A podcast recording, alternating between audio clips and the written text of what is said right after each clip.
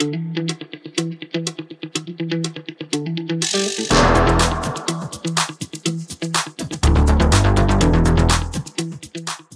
geldiniz. Bu programda sizlerden gelen soruları derledik ve e, sigortacılıkta güven unsurunu işliyor olacağız. Çünkü sigorta şirketlerine, sigorta aracılarına ve aldığımız poliçelerin içerisindeki teminatlara nasıl güveneceğiz ve e, bunun devlet konusunda, devlet tarafında da acaba bir koruması var mıdır soruları çok fazla geldi kanalımıza da. Dolayısıyla bugün tarafsız bir gözle bizlere e, değerli bilgilerini aktaracak olan İlker Barış'la beraberiz. Hoş geldin. Hoş bulduk. Nasılsın? Teşekkür ederim. Sen nasılsın? Ben de iyiyim. Teşekkür ederim. Tarafsız bir gözledim ama aslında sigorta şirketlerine ve sigorta aracıları dediğimiz broker ve acentelerine hukuki ve mesleki konularda bir danışmanlık hizmeti veren bir firma sahibi olarak Doğru. karşımızdasın.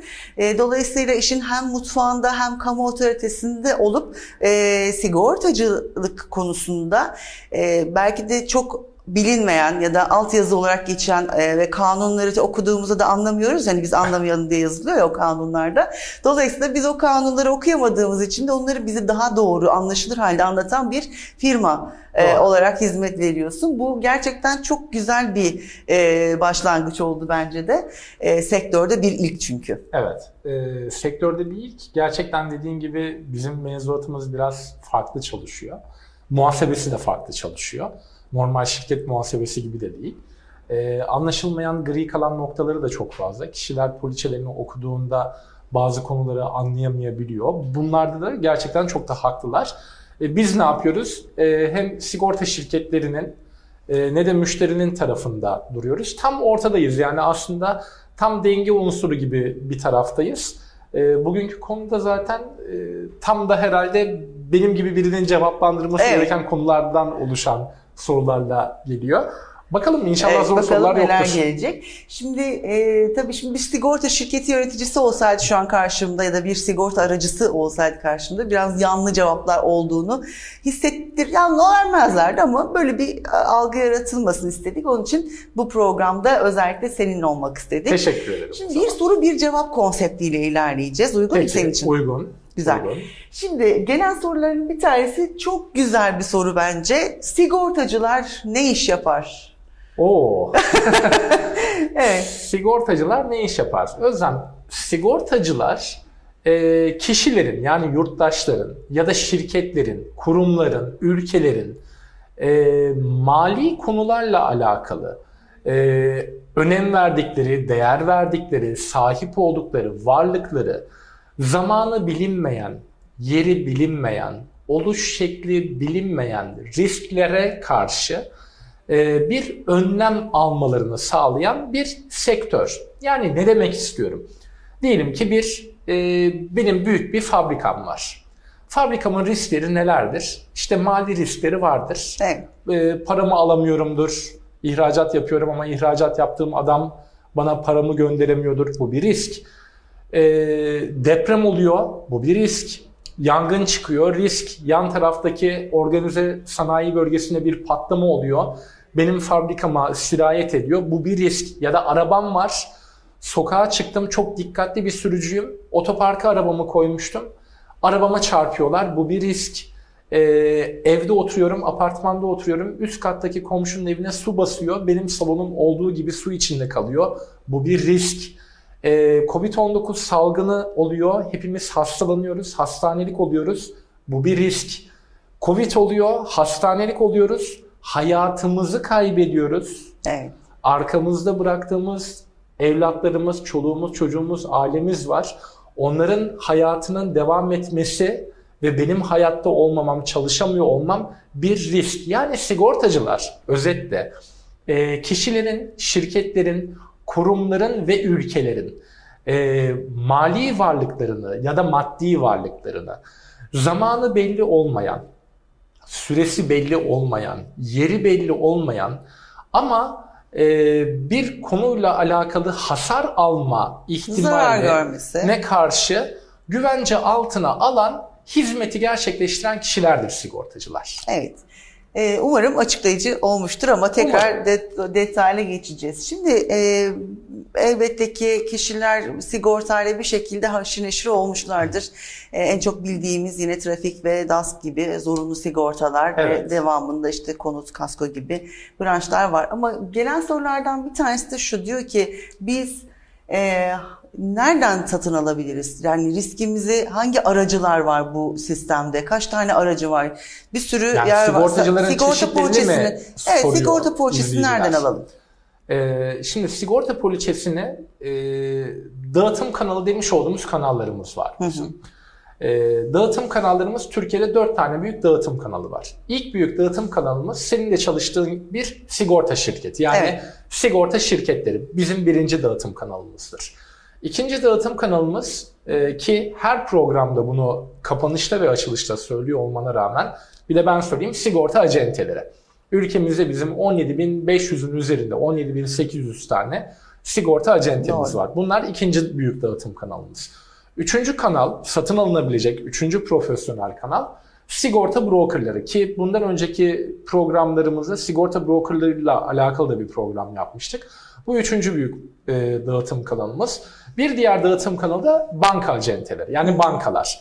Evet. Bunlar da bizim dördüncü dağıtım kanalımız. Şimdi şunu soruyorlarsa e, yurttaşlarımız biz sigorta poliçemizi bu kanallardan hangilerinden profesyonel olarak alabiliriz? E, hiç kimse alınmasın darılmasın bana ama bankalar dışında banka acenteleri dışındaki saydığım sigorta acenteleri, sigorta brokerları ve sigorta şirketlerinin doğrudan direkt satış kanallarından yurttaşlarımız gönül rahatlığıyla sigorta poliçesi alabilirler. Evet, o zaman bu kanallara güven e, aslında yeterli olacak. Evet, şimdi yanlış anlamaya da mahal vermemek adına bunu söylüyorum. Gerçi soru biraz böyle cevabı uzayacak ama e, hiç kimse bankalardan alınmış, satın alınmış olan sigorta poliçelerinin geçersiz olduğunu ya da sıkıntılı olduğunu tabii. lütfen düşünmesin. Bunlar da legal olan poliçeler. Çünkü e, kamu otoritesi ve ilgili olan sigorta şirketleri de bankaları e, bir dağıtım kanalı olarak kullanıyor. Niye? Çünkü bankalar Türkiye'nin her yerinde, her ilinde, her ilçesinde, neredeyse her köyünde, Evet. hatta bazı kamu bankaları her köyde bile faaliyet gösterebiliyor. Dolayısıyla bu kişilerin de e, riskleri var. Kredi kullanıyorlar onlar da. Sigortaya da ihtiyaçları var. E, penetrasyon demiş olduğumuz yani yayılma demiş olduğumuz şeyi bankalar aracılığıyla e, kullanabiliyor. Kamu bunu istiyor. Ama burada şöyle bir problem var. Ne yazık ki. Yani bunun altını defalarca çizeceğim. Bankalarda yapılmış olan sigorta poliçeleri ya eksik sigorta ya da aşkın sigorta riskiyle karşı karşıya kaldırıyor. Evet. Çünkü bu arkadaşlarımız, bankacı arkadaşlarımızın temel görevi bankacılık. Evet. Sigortacılık değil. Onların yan hedefleri sigorta olduğundan dolayı e, verilen hedefleri yerine getiriyorlar ve talimatları yerine getiriyorlar ama hiçbir şekilde bir acentenin, bir broker'ın ya da bir sigorta şirketi çalışanının e, elde etmiş olduğu o bilgi ve donanım ne yazık ki banka acentelerimizde yok. Dolayısıyla bu üç kanaldan gidiyor olmalarını ben önemli tavsiye ediyorum. Dördüncü kanalı da tercih edebilirler. Evet, güzel oldu bu cevapta bence. Teşekkür ederim. Şimdi e, Herhalde aslında- tarafsız olduğum görünüyor Evet evet burada. gayet değil mi? tarafsız kesinlikle. Tamam. Şimdi aslında e, bence ülkenin de bir şöyle genel bir, bir soru var. Şimdi biraz da girizgah yapacağım buna. Ülkenin e, bir problemi var. Bizim ülkemizde zeki insan derdi yok. İşini seven, işini layıkıyla yapan, güvenilir, dürüst e, insan iş gücü e, problemi var. Doğru. Dolayısıyla e, nasıl birçok meslekte olduğu gibi işte eczacılık, doktor, işte mühendis, işte inşaat mühendisi, işte mimar gibi bir sürü sayabiliriz, değiştirebiliriz. Bütün meslek gruplarını göz önüne aldığımızda nasıl ki bu e, meslek gruplarının da içlerinde sivrilen, işini gerçekten iyi yapan, gerçekten işin hakkıyla yapan e, insanlar var. Sigortacılara baktığımız zaman Evet. gerçek bir sigortacıyı nasıl tanırız? Of çok zor bir soru bu. Yani e, mavi ekran verdim şu anda. Fatal error. Aslında fatal error. Mavi ekran verdim. E, güzel bir soru, zor bir soru. Cevaplandırması zor bir soru.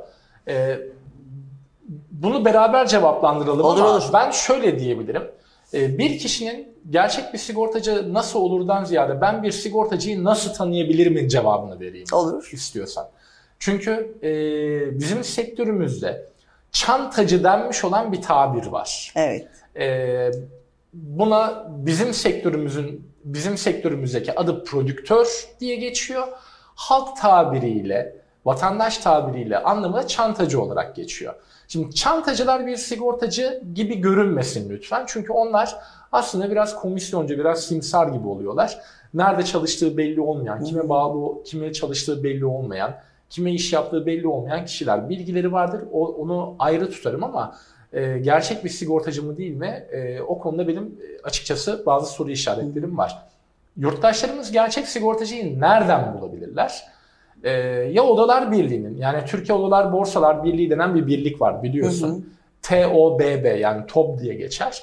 Ee, TOB'un internet sitesinde e, birimlerimiz diye bir başlık vardır Özlem. Bu başlığın içerisinde sigorta acenteleri künyesi yer alır. Bu acente e, kısmına tıklandığı takdirde de vatandaşımızı arayan, onunla bağlantıya geçen ya da şirketle bağlantıya geçen ve kendine sigortacı olduğunu ifade eden kişinin gerçekten sigortacı olup olmadığını, register olup olmadığını, kayıtlı olup olmadığını görüntüleyebileceği bir alan var. Kamuoyuna açık bir yer.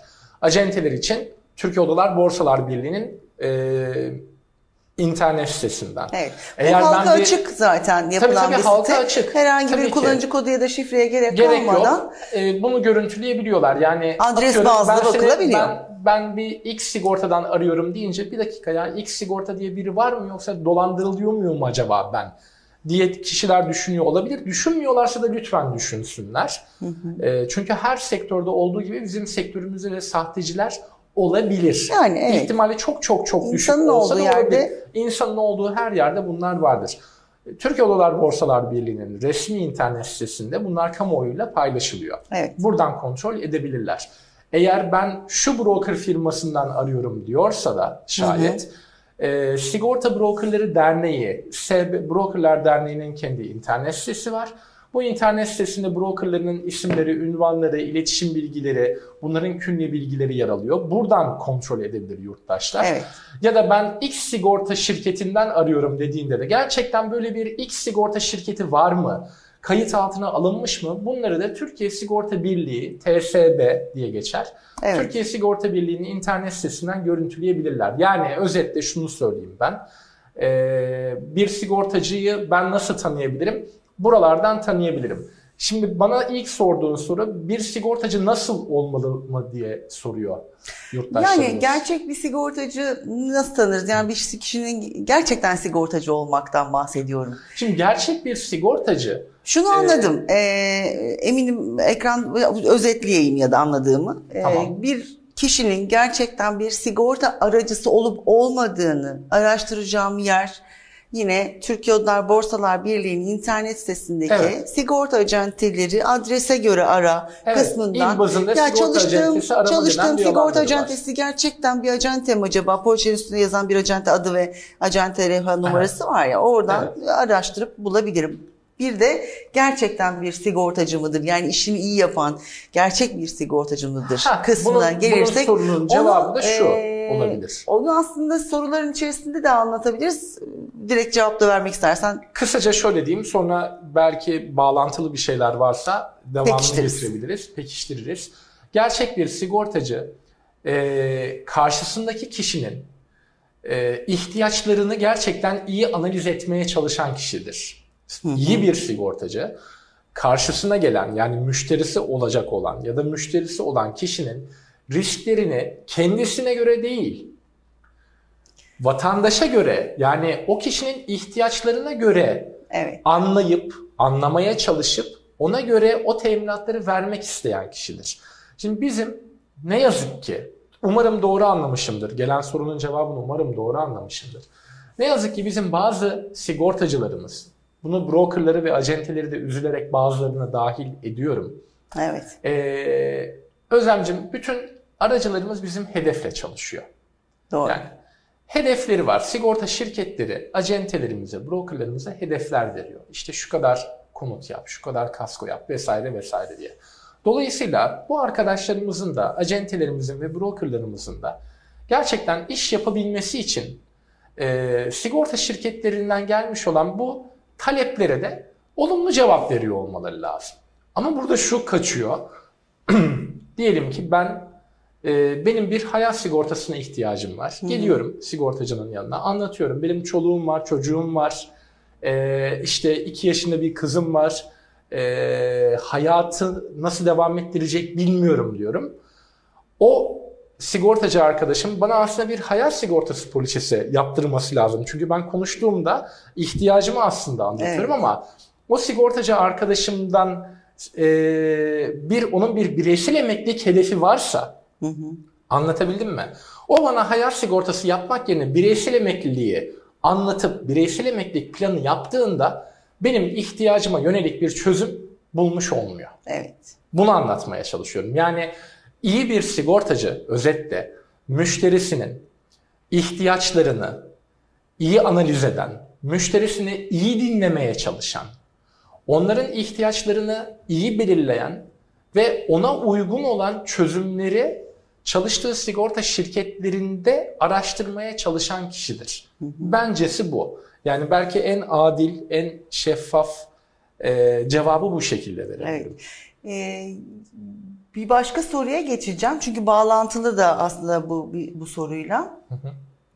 Şimdi biliyoruz birçok e, kişi telefonla e, işte telefonda pazarlama diye bir teknik var. Yani telefonda Evet. bir şey satmak var. Evet. E, bazı işte bu sigortacıların da telefonla müşterilerini ara- aradığından müzdarip olan bir izleyicimiz yazmış olsa gerek ki Evet. e, potansiyel müşteri sigortacılar diyor potansiyel müşterilerini telefonla araya araya bulur mu? Yani böyle telefonla arayarak müşteri kazanmaya çalışır mı hiç tanımadığı bir insanı? E, ben burada aslında biraz da e, kişisel verilerden de bahsetmeni çok isterim. Çünkü senin uzmanlık alanlarından bir tanesi de bu olduğunu biliyorum. Tamam. Hay hay. Ee, şimdi bizim dağıtım kanallarımızın, işte acentelerin, brokerların, bankaların ve sigorta şirketlerinin e, bu dört ana kanalın kullanmış olduğu e, iletişim araçlarından bir tanesi de çağrı merkezleri. Yani Doğru. çağrı merkezleri aracılığıyla da e, aslında sigorta poliçesinin tanıtımı, satışı, organizasyonu vesairesi Hı hı. yapılabilir. Biz buna mesafeli satış diyoruz. Evet. Mesafeli satışlar telefondan yapılabileceği gibi internet üzerinden, Hı hı. e, dijital platformlar üzerinden de gerçekleştirilebilen e, pazarlama stratejileridir ve bunlar aslında yasaldır. Yani Evet. bunun bir kere bir e, altını çizeyim, çerçeveyi bir oluşturayım. Ama tanım beni tanımayan bir e, kişi, beni tanımayan bir sigortacı, e, beni arayarak benim risklerimi teminat altına alabileceğini söylüyorsa çok özür dilerim ama ben o kişiye riayet etmem. O kişiye itibar da etmem. Ve bence e, işini iyi yapan, işini düzgün yapan bir sigortacı, acente, broker, sigorta şirketi çalışanı vesaire hiç tanımadığı bir kişiye, hiç tanımadığı bir müşteriye e, salt telefonla yani sadece telefonla bağlantı kurup e, o kişilerin risklerini teminat altına almaz. İyi bir sigortacı daha doğrusu böyle çalışmaz. İyi bir sigortacı eğer ulaşmak istediği bir müşteri varsa o müşterinin telefon bilgisini alır, adresini öğrenmeye çalışır, randevu talep eder, yüz yüze bir görüşme sağlar. Yüz yüze görüşmede çünkü kişinin ihtiyaçları analiz edilir sağlıklı bir şekilde Hı hı. ve analiz edilen o ihtiyaçlara yönelik düzgün bir teminat sağlanmış olur. Hı hı. Yani özetle şunu söyleyeceğim. Ee, beni bir sigortacı telefonla arasa ama tanımadığım yani daha önce hiç çalışmadığım, hiç adını sanını bilmediğim bir sigortacı beni telefonla arayıp da İlker Bey merhaba sizin işte Çeşme'deki yazdığınızın konut sigortası dolmuş, süresi dolmuş ya da arabanızın trafik sigortasının süresi dolmuş. Bunun yenilenmesi lazım dendiğinde ki vardır böyle yurttaşlarımız bu tarz konuşmalarla muhatap olan bence o kişilere itibar etmesinler bir. İki, az önce değin demiş olduğun KVKK konusuna Evet. gelelim. Ben bu konuyla alakalı e, hem daha önce Türkiye Odalar Borsalar Birliği'nde hem de şu anda e, kendi şirketimde KVKK politikalarıyla alakalı olarak da danışmanlık veriyorum. Şimdi Özlem bu nokta aslında çok sıkıntılı bir nokta. Belki sorumuzun cevabı biraz uzuyor ama çok önemli olduğu için altını çizmek istiyorum. Şimdi e, kişisel veri demiş olduğumuz veriler işte bizim TC kimlik numaramız, adımız, soyadımızla beraber cep telefonu numaramız, mail adresimiz bunlar da insanların, yurttaşların kişisel bilgileridir. Şimdi beni hiç tanımayan bir vatandaş var. Beni de cep telefonundan e, arıyor. Dolayısıyla benim cep telefonum numarama bir şekilde ulaşmış. Yani ulaşmadan merhaba nasılsınız, kiminle görüşüyorum demiyor. İyi günler İlker Bey'le mi görüşüyorum Evet. diyor. Öyle bir akıl yürütsün. Dolayısıyla benim adımı bildi, benim telefon numaramı da bildi ve beni aradı. Bununla da sınırlı kalmıyor. Diyor ki Çeşme'deki yazlık evinizin poliçesine süresi doluyor. Bu kadar Ya da- veriyi nereden ya biliyor? da arabanızın trafik sigortasının süresi doluyor. Kardeşim ben seni tanımıyorum. Seni hiç duymadım. Adını bilmiyorum. Sen de beni tanımıyorsun ama sen benimle alakalı bütün kişisel verilere sahip olmuşsun zaten. Sen bu verilere nasıl sahip oldun? Nereden sahip oldun? Şimdi bu KVKK'ya giren e, ve çok ciddi anlamda sıkıntı yaratacak karşı tarafa yani yurttaşımızı arayan ve kendisini sigortacı olarak tanıtan kişiye çok ciddi anlamda sıkıntı yaratacak e, hatta hapis cezasıyla bile karşı karşıya Evet. kalabileceği yani ad, idari bir cezayla değil adli bir cezayla da karşı karşıya kalabileceği çok önemli bir durum. Evet. Ee, bu tarz konular varsa ki e, istersen KVKK konusunu başka bir program konusu yapabiliriz Yapalım. ama burada şu, sorunu şununla bağlamak istiyorum. Ee, bir yurttaşımızı beli, anlatmış olduğum şekilde arayan bir vatandaş varsa ilk olarak o vatandaş şunu desin. Ee, ya telefon numaranızı ver, telefon açtınız, teşekkür ederim. Ben kiminle görüşüyorum? İsim soyisim alabilir miyim? Adını soyadını bir kere bir alsın. Ya bir de size ulaşabileceğim bir mail adresi alabilir miyim? Ben genelde böyle e, telefon konuşmalarını değil de yazmalı çizmeli iletişimi daha çok seviyorum desin. Akıllı davransın vatandaş. O kişinin mail adresini alsın. Sonra da o kişinin mail adresini aldı ya döşesin maili. Kardeşim sen benim kişisel bilgilerime nereden eriştin? Evet. Tamam. Bu maili bir atsın. Karşı taraf bir tutuşsun. Yani yansın, kavrulsun, tutuşsun. O Çünkü da dedi bilgi ki birkaç alındı? tane cevap verecek örneğin. E, tabelanızdan okudum. Bir arkadaşınız verdi. İşte atıyorum Özlem Hanım verdi numaranızı. Aha. Özlem Hanım da tanıdığınız birisi diyelim. İşte Tamam, tamam. referans olarak verdi. Ya da bir dışarıda tabelanızda gördüm oradan buldum numaranızı dedi. Evet. Ya da başka nereden bulabilir? Yani her şekilde Bence sahibinden internet- buldum diyebilir. buldum, sizi internet sitenizden Evet, buldum. sahibinden.com'da bir ilan vermişsiniz oradan buldum da diye. Tamam değil mi? güzel. Peki benim poliçemin dolduğu sahibinden.com'da yazıyor mu? Yazmıyor tabii. Yazmıyor değil mi? Arabamın plakası yazıyor mu orada? Yazmıyor. Çoğu zaman Yani bazı kişisel verilerin o kişi tarafından erişildiği garanti. Yani her halükarda bir telefon numarası da erişilmiş. Yani Evet. bu bile şimdi yeterli böyle bir bence. durumda, böyle bir durumda e, vatandaş bir kere mail atsın. Konu sigortacılıktan kayıyor ama e, vatandaş mail atsın. 10 gün beklesin. 10 gün içerisinde karşı taraftan bir cevap geldi mi gelmedi mi? Gelen cevap e, oldu ki hiç gelmedi ya da bu cevap müşteriyi kesmedi. Yani vatandaşımızı tatmin Etmedi. etmedi. O zaman kişisel verilerin koruma kurulu diye bir kurul, Kurul var. var. Önce bir kurum, sonra bir kurul, sonra bir kanun. KVKK'nın son K harfi üç şeyi temsil ediyor. Kanun, kurum, kurul. Tamam. Evet. Buraya yazılı başvuru yapıyor. Ücretsizdir. Konuyu yazar. Beni bu tarihte sigortacı olduğu ifade edilen şu kişi aradı.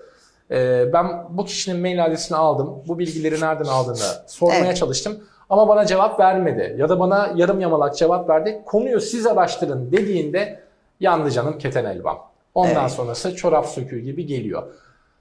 Cevabı tekrar başa alayım. Konu çok dağıldı belki ama e, sizi tanımayan ya da sizin hiç tanımadığınız ve kendisini sigortacı olarak e, tanıtan bir kişi telefonda eğer bir pazarlama yapmaya çalışıyorsa lütfen itibar etmesin. Çünkü gerçek sigortacılar böyle çalışmıyor Özlemciğim. Evet. E, pazarlamalarını böyle yapmazlar. Müşteri görüşmelerini böyle yapmazlar. Ha telefonla arıyor olabilir. Ama telefonla aradıktan sonra bir randevu talep eder normalde. Acentelerimiz randevu talep eder. Brokerlarımız randevu talep eder. Telefonda bu işi böyle yalap şap bağlamazlar. Evet. Böyle kapatmazlar. İyi bir sigortacı böyle çalışmaz. Evet. Dolayısıyla bu tarz e, telefonlara maruz kalan yurttaşlarımız varsa benim yapmış olduğum önlemi de yapabilirler. Hiç cevaplamayabilirler, hiç poliçe yaptırmayabilirler. Karşı tarafı da ele geçirmek adına onların iletişim bilgilerini alıp Kişisel Verilerin Korunması Kanunu 6698 sayılı kanunu uyarınca da sen benim iletişim bilgilerimi nereden buldun? Sen benim kişisel verilerime nereden ulaştın diye kendilerine bir geri dönüş yapabilirler. Eğer yapmış oldukları bu maillere geri dönüş almıyorlarsa ya da e, yarım yamalak cevaplar alıyorlarsa da bu konuyu kişisel verilerin korunması kuruluna taşıyabilirler. Yeri Ankara'dadır, Balgat'tadır. Oraya taşıdıklarında hiç merak etmeyin çorap söküğü gibi geliyor. Evet. Nereden biliyorsun İlker Bey? Ee, KVKK'nın bir internet sitesi var Özlemcim. Bizi izleyen yurttaşlarımız bunu izleyebilir. İzleyen acentelerimiz, brokerlarımız e, masal anlatmadığımı anlayabilirler. KVKK'nın internet sitesine girdiklerinde kurul kararları denmiş olan bir yer Evet. vardır. Kurul kararlarının içerisine baktıklarında anlatmış olduğun bu konu gibi, senin anlatmış olduğun işte tabeladan gördüm, arkadaşın söyledi, gazetede okudum, e, internetten buldum şeklinde olan e, konulara kurul nasıl kararlar vermiş, Evet. nasıl cezalar Bunlar için de ceza alıyorlar değil mi? Bunların tamamının cezaları var. Özlemcim yaklaşık 150 bin liradan başlayan 15 milyon TL'ye kadar giden idari para cezaları var. Ayrıca bunların e, demiş olduğum bu konuyla alakalı yani bir bir kişinin verilerinin izinsiz olarak ele geçirilmesi gibi bir konu varsa ki müşteri yurttaşımızın söylemiş olduğu Evet. konu aslında tam olarak bu. Aynen öyle. Bir insanın, bir yurttaşımızın kişisel verisi o kişinin iradesi dışında alınmışsa eğer bırakın para cezasını hapis cezasının olduğu da kurul kararlarından Evet. okunabilir. Ben burada şöyle düşünüyorum. e, Böyle bir durumla karşılaşıldığı zaman mutlaka önce e, başımıza gelen bu durumdan dolayı bana ne dememek. E, Evet. Çünkü bunu bugün bana ben bana ne dersem öteki de bana ne diyecek ve bu sistem devam ediyor olacak. Halbuki Doğru. bu meslek itibarı çok yüksek bir meslek. İnsanların kötü gün dostu olan bir e, iş yapıyoruz sigortacılıkta. E, dolayısıyla e, bu mesleğin itibarının zedelenmemesi adına e, günümüz dünyasında artık global dünyada da baktığımızda en önemli şey Big Data denilen e, büyük veri kaynakları ve bu artık siber saldırılar gibi birçok e, biliyoruz hani bankalar bile bu saldırılara e, maruz kaldı ve Doğru. ceza aldılar. Doğru. E, günün sonunda e, bizim başımıza böyle bir telefon geldiğinde bu kişinin bu veriyi nereden edindiğini bize ibraz etmesi, edemiyorsa da bizim bunu KVKK sistemine taşıyıp Tabii. orada mail üzerinden araştırılmasını talep Tabii. etmemiz bizim bir iki dakikamızı alır ama bir ülkenin ekonomisine zarar verecek ya da insanların canını yakacak bir durum oluşmamış olacak. Kesinlikle öyle. Olayı, Bu sadece sigortacılık için de geçerli değil. Değil mi? Bana tüpçü SMS atıyor diyelim.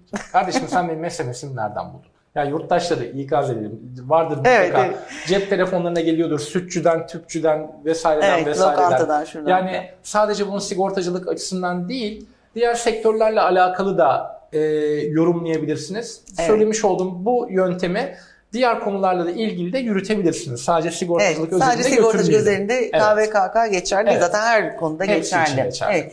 Şimdi biraz hızlanayım. Ee, bir, bir, sor- bir sonraki soru da çok benzer olduğu için onu atlayacağım. Tamam. Evet, bir sigorta poliçesi yaptırdığımızda ee, devlet bizi koruyor mu ve nasıl koruyor, koruyorsa da diye bir soru gelmiş. Yani poliçe e, bir sigorta şirketinden e, yapılmış bir poliçe. Aracı Evet. acente ya da banka ya da broker fark etmez ya da şirket. E, bir poliçe yaptırdık ama bu poliçenin teminatları devlet tarafından da güvence altında mıdır? Pek tabii ki. Şimdi şöyle her ne kadar e, bankalarda bankalara yatırmış olduğunuz mevduatların belli bir bölümü nasıl devlet garantisinde ve devlet güvencesinde ise e, tazmin edilen yani bizlerin, yurttaşların ya da şirketlerin, kurumların, kuruluşların sigorta şirketlerinden almış oldukları sigorta poliçeleri de yine aynı şekilde devlet güvencesinde. Yani ne demek istiyorum? Şimdi bizim ülkemizde 68 tane sigorta şirketi var. Bunlar çeşitli branşlarda çalışıyor. İşte hayat sigortası olan var, trafik kaskoyu yapan var vesaire vesaire. Toplam 68 tane sigorta şirketi var. Bu şirketlerin hiçbir tanesi kafasına göre o şirketi kurup faaliyete başlamıyor sadece. Bunların hepsinin her bir sigorta şirketinin kuruluşu yaklaşık 6-7 ay gibi bir zaman alıyor. Çünkü o şirketler daha kurulmadan faaliyete başlamadan önce Hazine Müsteşarlığı tarafından yani eski adı Hazine Müsteşarlığı şu anki adı da Sigortacılık ve Özel Emeklilik Düzenleme ve Denetleme Kurulu tarafından ıncık cıncık ediliyor. Bu şirketin öz sermayesi yeterli mi? Bu şirketin personel sayısı yeterli mi? Bu şirketin e, havuzundaki kapasite oranları yeterli mi? Bu şirketin e, kendi üstüne aldığı risk oranları ve yurt dışına aktardığı reasürans risk oranları benim için yeterli mi? Öz sermaye kapasite oranı yeterli mi? Gibi gibi gibi bir sürü alt kırılımı var. Bu kırılımlar e, mercek altına alındığında ıncık cincik edilip onaylandıktan sonra bir sigorta şirketi faaliyete başlıyor. Evet. Ayrıca sigorta şirketleri bizlerin bizlere satmış olduğu sigorta poliçelerinin her birinden belli bir oranla da güvence hesabı denmiş olan bir hesap var. Buraya da bir fon aktarımı yapmak zorunda. Şey gibi düşün bunu. Bankalarda mevduat muazzam karşılık oranı diye bir oran vardır. Ben şimdi gittim atıyorum e, kamu bankası olduğu için reklama girmez. Ziraat Bankası'na gittim. E, bir vadeli mevduat hesabı açtım. 100 bin liralık vadeli mevduat hesabı açtım. Evet. Ziraat Bankası benim açtığım bu hesabının belli bir kısmını e, Merkez Bankası'nın hesabına yatırmak zorunda. Niye? Çünkü eğer bu bankaya bir şey olursa batarsa İlker Barış'ın parası ödenebilsin diye. Evet. Aynı sistem Bir çeşit sigortacılıkta da var. aslında. E tabii ki öyle. Aynı sistem sigortacılıkta da var. Dolayısıyla yurttaşlarımız benim satın almış olduğum sigorta poliçesi e, güvence altında mıdır gibi bir şey varsa, e, soru varsa kafalarda e, özetle bunu e, açıklıkla cevaplandırmış olduğumu düşünüyorum. Ayrıca şimdi bir de Özlem sen de biliyorsun bizi izleyen tüm yurttaşlarımız da biliyor ki bizi 6 Şubat tarihine çok büyük bir deprem felaketi atlattı. Evet. Bu deprem felaketi 10 ili kapsadı. Ee, ve burada genelde ilk harekete geçen sektör hangi sektör oldu? Sigortacılık sektörü oldu. Evet. O yıkılan enkazlar, ölen insanlar, binalar vesaireler bunların tazminatları ortaya çıktı.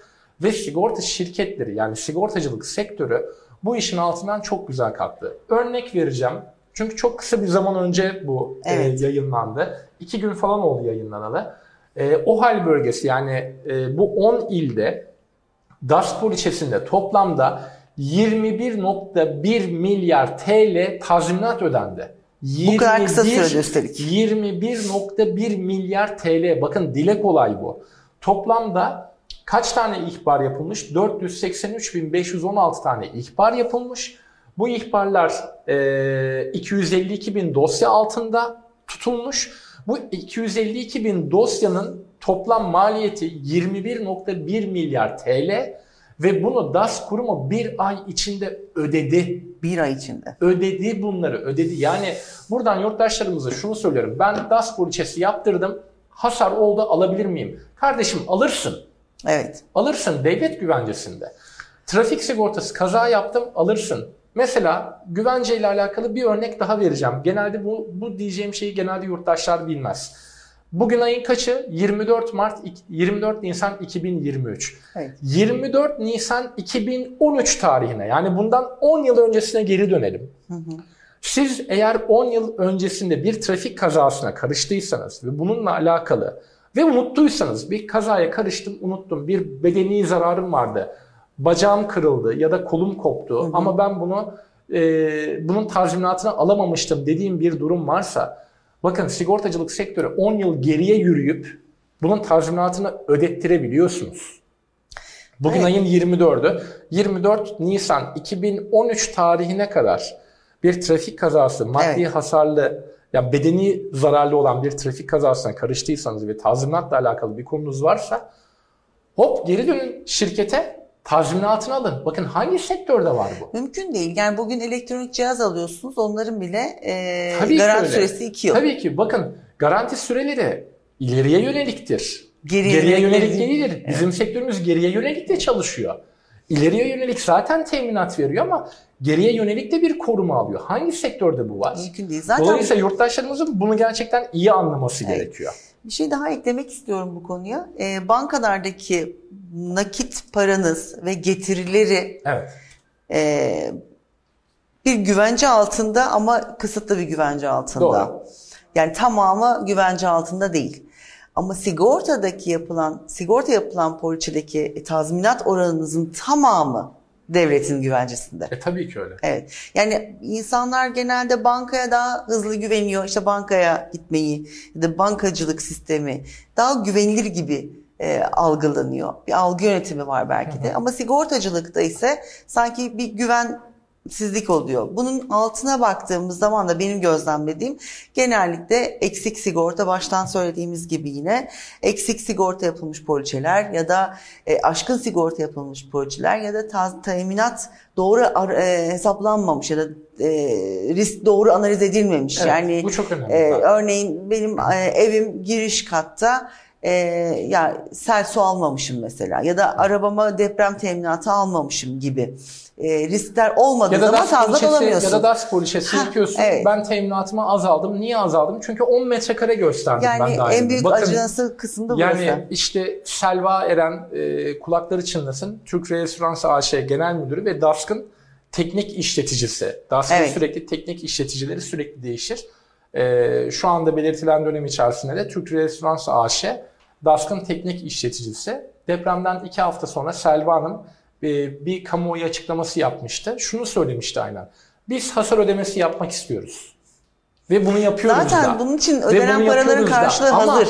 Ama Evet. bize açılan dosyalarda 110 metrekarelik evin poliçesinin 10 metrekare yapıldığını gördük. Ve ben poliçede 10 metrekare yazıldığı için 10 metrekareye karşılık gelen tazminatı ödemekle yükümlüyüm Evet. diye açıklama yaptı. Dolayısıyla şunu söylemeye çalışıyorum. Değerli yurttaşlarımızı da ikaz edelim. Sigorta yapılmak için yapılan bir araç değildir. Evet. Yani risk neyse, gerçekten sizin riskiniz neyse, evinizin değeri eğer 2 milyonluksa, gerçekten 2 milyonluk bir evde oturuyorsan, evin sigorta bedelini 50 bin lira olarak gösterme kardeşim. Evet.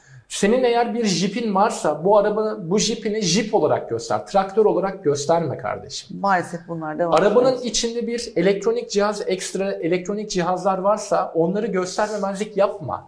Gibi gibi anlatabiliyor muyum? Evet. Fabrikanın içindeki ekipmanlarını da koy. Sadece binanı koyma. Sağlığını eğer garanti altına alıyorsan hani diş teminatını da koy. Ee, Gibi gibi. emekliliğini düşünüyorsan hayatını da düşün. Hayat sigortanı da düşün.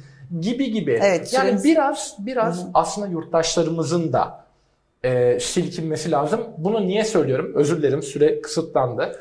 E, bunu niye söylüyorum? Özlemciğim dünya sigorta ortalaması yani dünya piyasasında sigortacılığın e, kümül ortalaması kişi başına düşen sigorta primi e, 830 dolar. Yani şunu söylemeye çalışıyorum.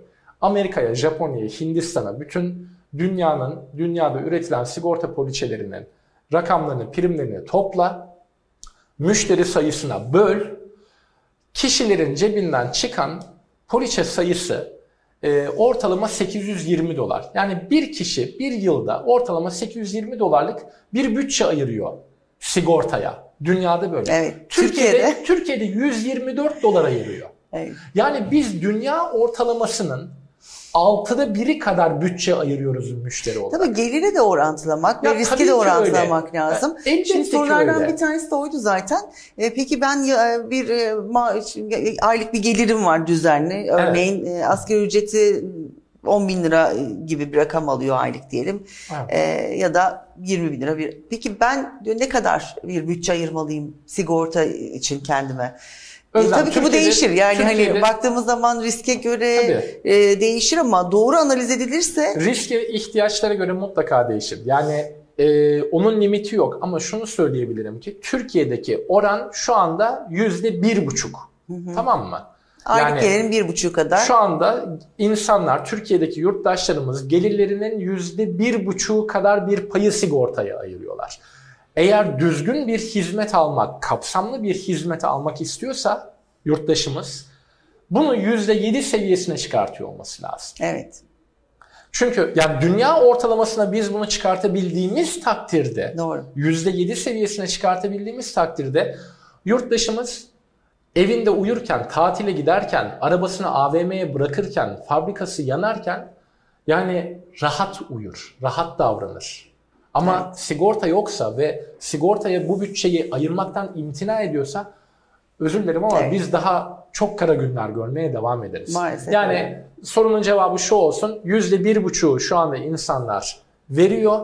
Normalde olması gereken şey bütçelerinin minimumda yüzde yedisini veriyor Evet. olmak. Biz de birikim için mesela yüzde onunu ayırmalısın deriz. Evet. Yani yaşlılık için bugünkü gelirin yüzde onunu Evet. bugünden biriktirmeye Ya başlamak. keşke deriz. yüzde on Keşke olabilse %10 çok güzel olur ama aynen öyle. yüzde yediyi en azından yapabilir. Evet. En azından. Evet bu konu da önemliydi bence. Çünkü buna göre de insanlar bütçelerini doğru e, ayırıp sigortacı, gerçek sigortacı dediğimiz sigorta acentelerine, brokerlara, e, bankalara da sigorta şirketlerine gittiklerinde onlara e, ne sordu, nasıl ilerledikleri çok önemli. Doğru. Burada e, üzerine durmuş olduk aslında. Son olarak e, Sorular çok bakalım zordu sorular çok fazlaydı. Sorular çok ayrıca. Evet, son olarak bence şununla kapatalım. Ee, dolandırılmamak için şöyle toparlayalım. Sigortacılıkta dolandırılmamak için nelere dikkat edelim diyelim ve kapatalım. Dolandırılmamak için nelere dikkat edelim? Şu telefon konusu birinci Yani sıraya kısaca otursun. e, nokta vuruş bize söylersen iyi olur. Ee, telefon Bir. konusu Aynen. tanımadığınız, tanımadığınız sigortacılara itibar etmeyin bir. Bir, Ee, sigorta poliçelerini gerçekten sigortacı olan dağıtım kanallarından satın alın. İki. İki.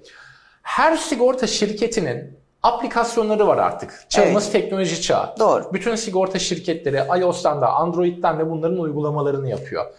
Bir poliçe satın aldıysanız bir zahmet o satın almış olduğunuz sigorta şirketinin de cep telefonu uygulamasını telefonunuza yükleyin. Poliçe numaranızı yazın. Gerçekten böyle bir poliçe yapılmış mı E-Devlet'ten mı? kontrol edebilirsiniz yine Üç, değil mi? Bunu eğer ki ben aplikasyondan anlamıyorum diyorsanız E-Devlet'te sigorta bilgi merkezi denmiş olan bir merkez var. Bu merkezde Türkiye'de yapılmış olan bütün sigorta poliçelerinin tamamı bir havuzda görünüyor real time online olarak. Trafik, Evet. kasko, yangın, DASK, sağlık, hayat, emeklilik bunların tamamı Evet. görünüyor. Bir sigorta poliçesi yapıyorsa kişi aplikasyon yükleyemiyorsa bile E-Devlet'ine girsin. Doğru. E-Devleti'nden baksın. Göremiyorsa poliçeyi işte o zaman bir dolandırıcılıkla karşı karşıya kaldım diyebilir. Evet.